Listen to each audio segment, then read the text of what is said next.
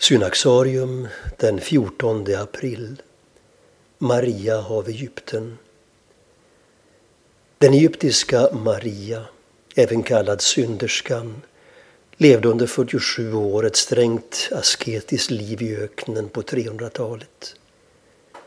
När klosterfadern Sosima en gång färdades över floden Jordan för att besöka en åldrad helig fader såg han plötsligt en gestalt som vandrade i öknen, naken och svartbränd av solen. Det var Maria av Egypten. Maria berättade för Abba Sosima om sitt liv. Jag är född i Egypten. När jag var tolv år kom jag till Alexandria. Där levde jag ett utsvävande liv under 17 år. Ingen nekade jag att njuta min kropp. När människorna i trakten började fara upp till Jerusalem för att tillbe det heliga korset bad jag några sjömän ta med mig på resan. Då det blev fråga om färdpenningen sa jag någon annan ersättning har jag inte att ge än att ni får förfoga över min kropp. Vi anlände till Jerusalem och tillsammans med andra pilgrimer skulle jag gå in genom kyrkporten för att tillbe det heliga korset. Då var det plötsligt som att en osynlig kraft höll mig tillbaka.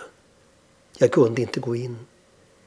Gång på gång försökte jag gå över tröskeln men kom inte längre än så.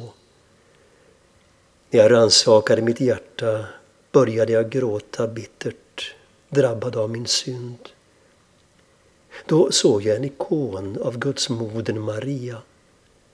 Jag vände mig mot henne och bad om hjälp att få träda in i kyrkan. Samtidigt lovade jag att avsäga mig världen och från denna stund leva i kyskhet. Efter bönen försökte jag på nytt gå in i kyrkan och nu gick det utan svårigheter. I djup tacksamhet tillbad jag inför det heliga korset. Då hörde jag en röst som sa Gå över Jordan så ska du bli frälst. Alltså gick jag över Jordan och kom till denna öken. Här har jag nu levt i 47 år utan att träffa en enda människa. I 17 år var jag hårt ansatt av köttets begär men nu har jag med Guds hjälp besegrat dem.